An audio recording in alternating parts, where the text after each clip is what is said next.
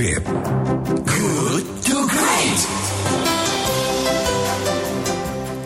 107,1 Kilat FM Bandung Inspiring Sound. Terima kasih sahabat Kilat Anda masih bersama dengan kami di Good to Great because good is the enemy of great. Dan di paruh ketiga ini kembali kami akan mengajak Anda untuk berdiskusi sahabat Kilat dan tema yang kami angkat di pagi hari ini adalah bagaimana mengoptimalkan pendidikan jarak jauh di tengah pandemi COVID-19.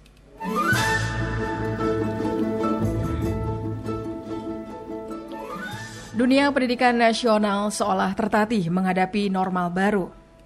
Keberagaman kondisi sekolah beserta siswa dan guru membuat penerapan normal baru tidak bisa disamaratakan. Para guru masih kesulitan menerapkan protokol kesehatan pencegahan COVID-19. Para orang tua meyakini pembelajaran jarak jauh uh, jauh masih menjadi opsi yang paling aman bagi anak-anak mereka di masa pandemi corona. Selama kasus masih tinggi, orang tua berharap sekolah tidak dibuka terlebih dahulu. Berdasarkan data Komisi Perlindungan Anak Indonesia atau KPAI, berdasarkan survei singkat 32 jam di media sosial yaitu yang dilaksanakan pada 26 sampai dengan 28 Mei 2020, dari 196.546 orang tua murid yang berpartisipasi, 66 persen di antaranya tidak setuju sekolah kembali dibuka dengan alasan uh, mereka beralasan kasus COVID-19 masih tinggi sehingga anak rawan tertular dalam perjalanan menuju ke sekolah. Mereka juga mencemaskan fasilitas kebersihan di sekolah yang masih terbatas.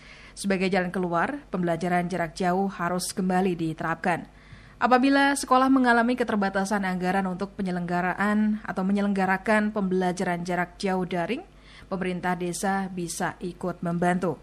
Nah, sahabat Kilat guna untuk membahas hal tersebut, pagi hari ini kami menghadirkan narasumber, yaitu Bapak Dr. Haji Uus Toharudin MPD, selaku Dekan Keguruan dan Ilmu Pendidikan UNPAS.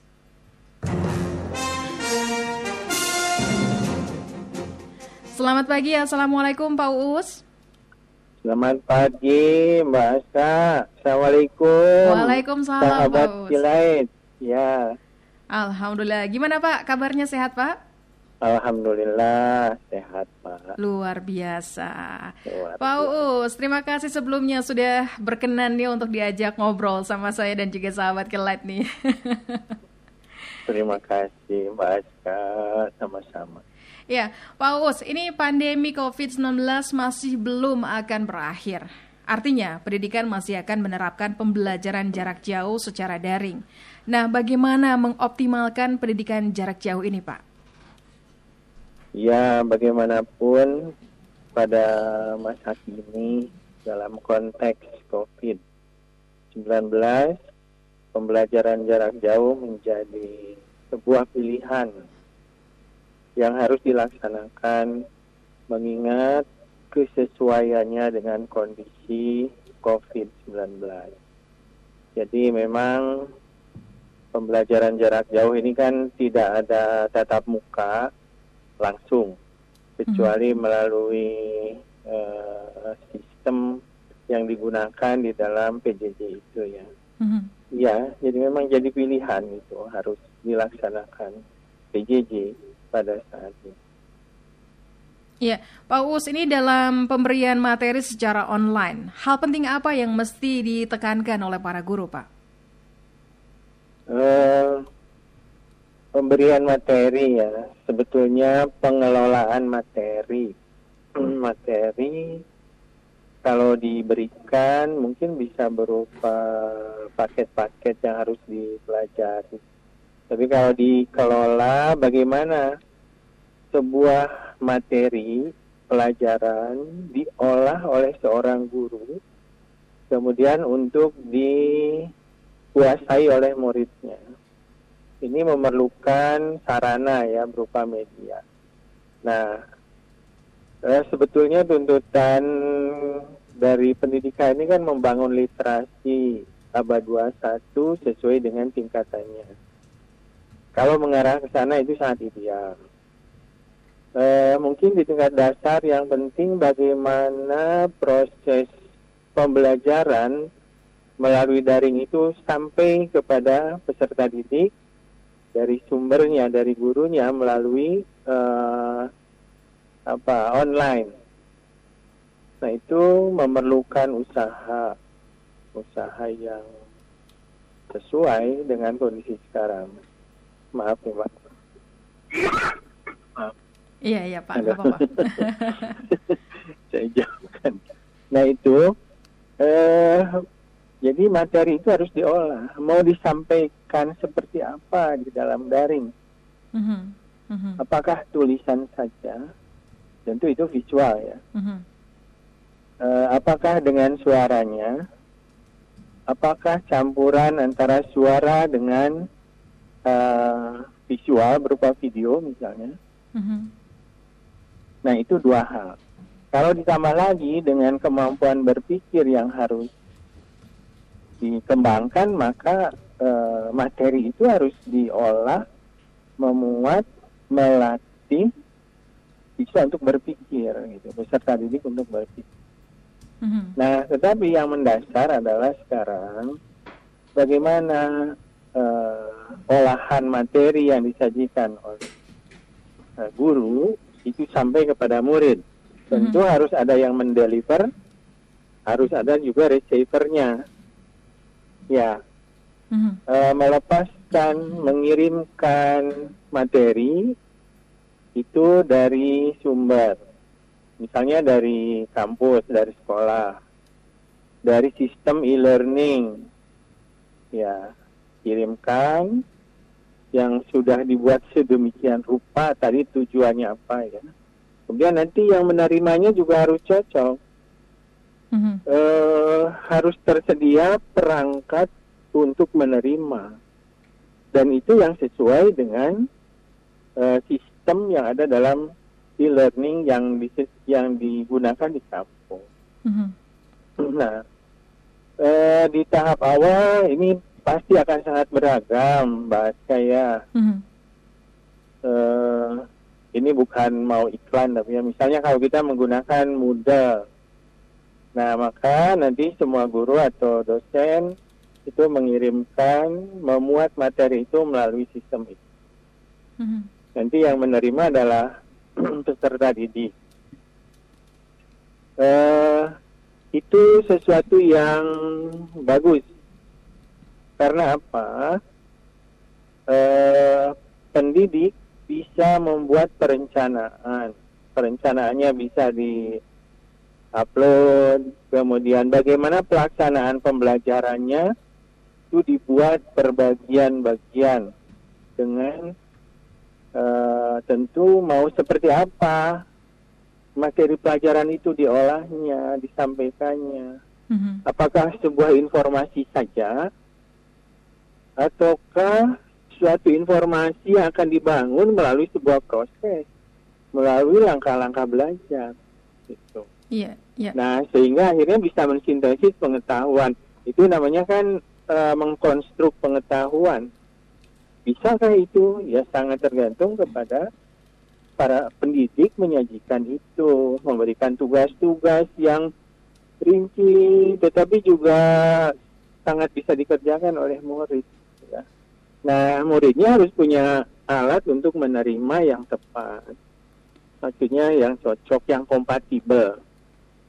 Nah, yeah. eh, kalau itu demikian, maka materi itu akan diharapkan sampai kepada uh, peserta didik.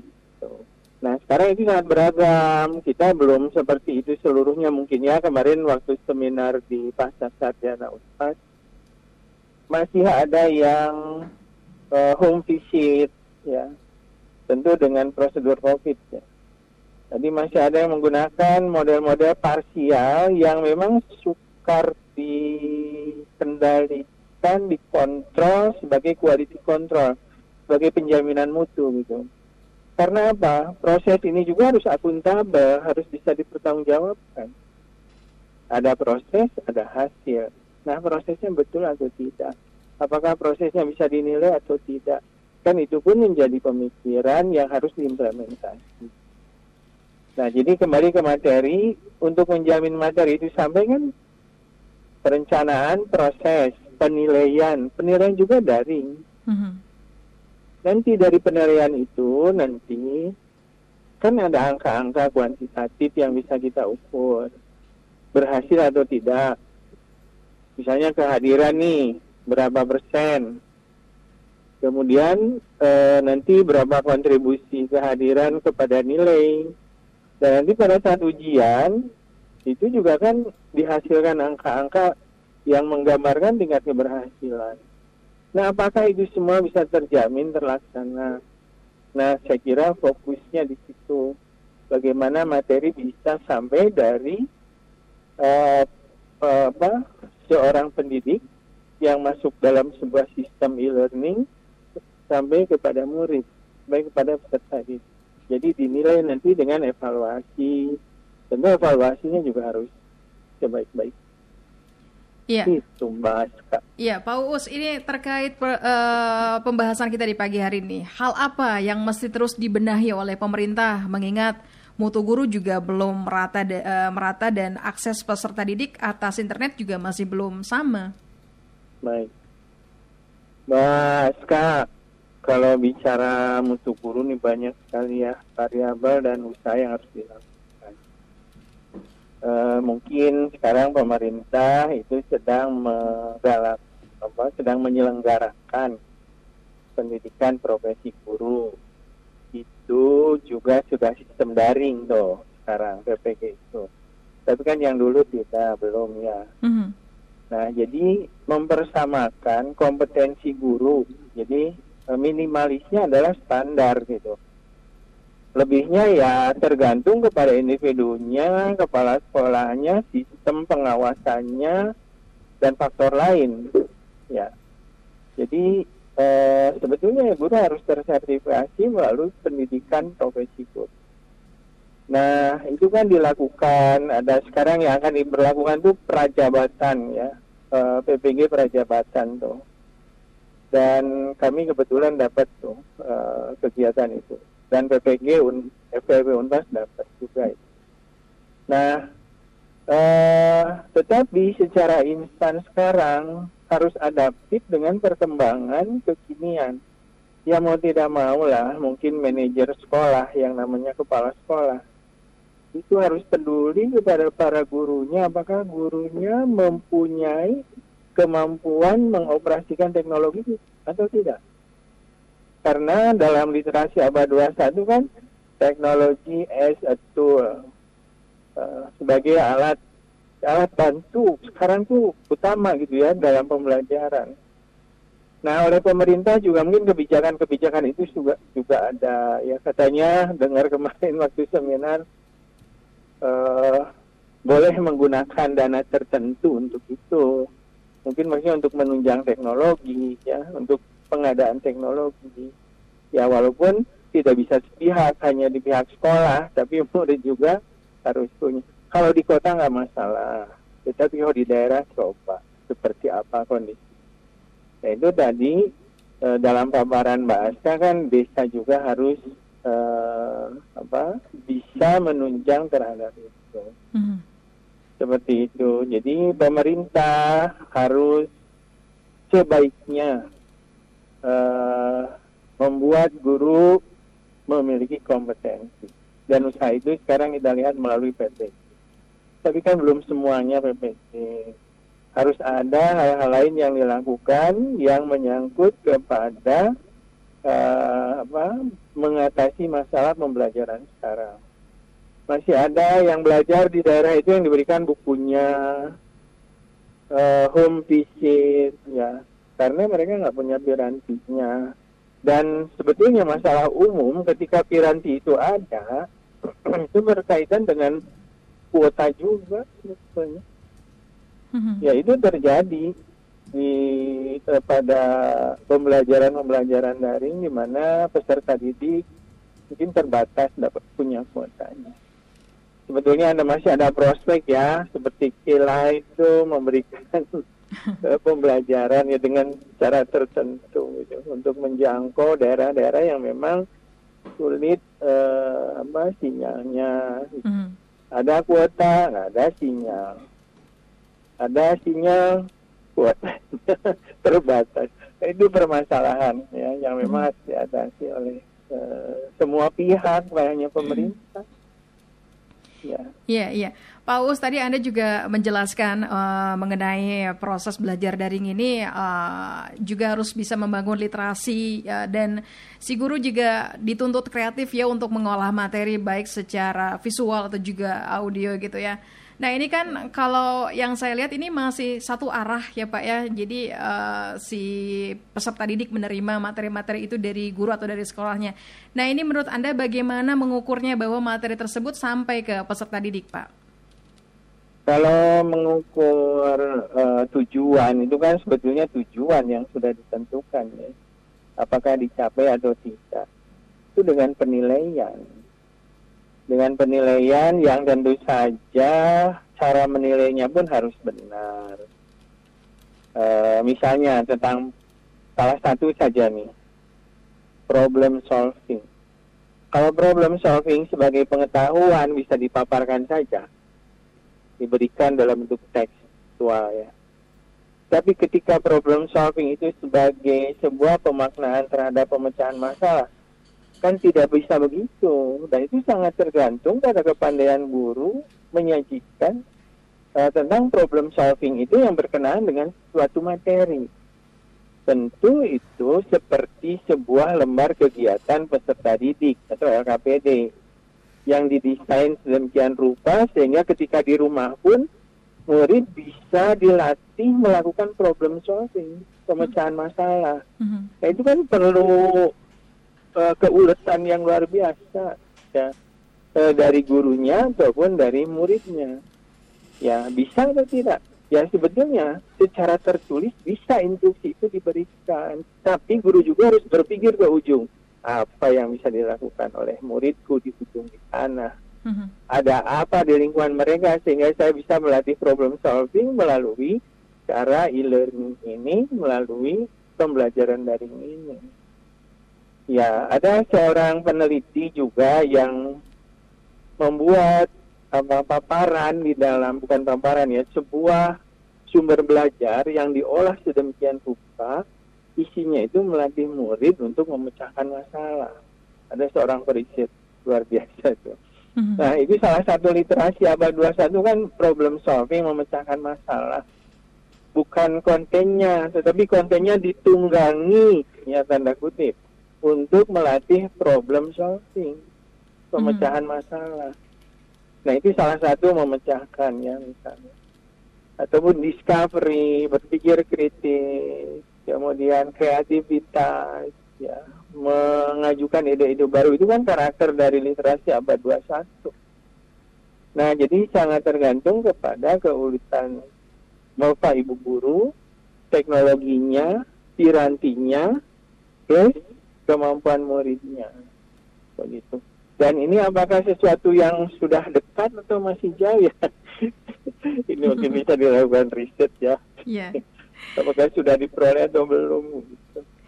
Iya. Pak Uus, ini yang terakhir Pak. Ini ke depannya kita akan menyongsong normal baru. Hal penting apa yang mesti disiapkan Kementerian Pendidikan dan Kebudayaan Pak? Silakan. Ya menyangkut hal tadi ya Mbak, Mbak Aska memang tadi akhirnya kepada membangun uh, itu menjadi kejaran. Maka pemerintah harus sangat konsen terhadap itu. Sekarang itu pemerintah sedang menggulirkan sebuah apa ya kegiatan namanya POP program organisasi penggerak itu. Jadi organisasi penggerak contoh misalnya satu yayasan ataupun misalnya Pak Sundan ya sedang mengajukan POP itu nanti kita harus melakukan benchmark. Harus melak harus menginventarisir best practice. Misalnya tentang daring mana nih yang bagus nih? Dikumpulkan. Di, dari anu ini dari anu ini dari anu ini. Uh, dan itu nanti dikomunikasikan kepada gurunya. Jadi ketahuan nanti uh, setelah guru itu misalnya ada kekurangan apa dari benchmark itu di mana ada kebaikan itu kita deliver ke situ. Jadi organisasi penggerak ini sebagai regulatornya, ya Eh, sehingga pada akhirnya diharapkan baik itu pendidik, guru maupun kepala sekolah sebagai manajer itu bisa melihat uh, best practice yang ada di tempat sekeliling kita. Dan itu kita perkenalkan, kita latihkan sehingga nanti keunggulan itu dimiliki oleh uh, sekolah ataupun guru atau kepala sekolah yang belum seperti itu. Kita yakin karena fenomena itu beragam mulai dari yang sangat tinggi sampai yang belum uh, bagus gitu nah best practice itu di dipilih ditentukan kemudian diolah mana yang masih kurang nah best practice itu diolah disampaikan kepada yang masih belum. Itu salah satu program pemerintah namanya POP program organisasi penggerak. Kami sedang mengajukan proposal. Jadi kuncinya benchmarking dan kemitraan. Dan itu memang dari diskusi saya dengan Ibu Direktur Tendik ya itu uh, tampaknya hal itu yang sekarang sedang dilakukan. Bahkan apa yang digulirkan oleh Presiden saya baca dari seorang rekan dari Setnek benchmark itulah yang tampaknya akan dilakukan hmm Jadi itulah yang sangat cocok dengan kondisi ini. Siapa yang melakukan yang terbaik? Mm-hmm. Ya. Nah tentu dengan regulasi oleh pemerintah. Bahkan sudah diungkapkan oleh Bapak Presiden mengenai benchmark. Nah prinsip benchmark menginventarisir best practice yang ada di sekeliling. Kemudian praktek baik itu ditularkan kepada yang belum melalui satu mekanisme yang sekarang sedang kita melaksanakan dalam bentuk uh, bukan belum melaksanakan baru mengajukan mm-hmm.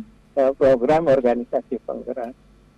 Ya, dan tentu saja uh, pengembangan kompetensi guru bisa dilakukan melalui POP selain program uh, apa PPG ya mm-hmm. yang sedang berlangsung. Tapi mungkin sekolah-sekolah swasta bisa lebih hebat lagi kalau punya biaya ya. Teknologinya dikuatkan, gurunya dipenuhkan kompetensinya, kepala sekolahnya terus di pemikirannya dikembangkan sehingga sekolah itu menjadi bagian yang unggul walaupun dalam kondisi Covid sekarang. Baik, baik, baik. Ya, Pak Uus, terima kasih untuk perbincangan di pagi hari ini. Ini menambah uh, informasi baru bagi kami, Pak.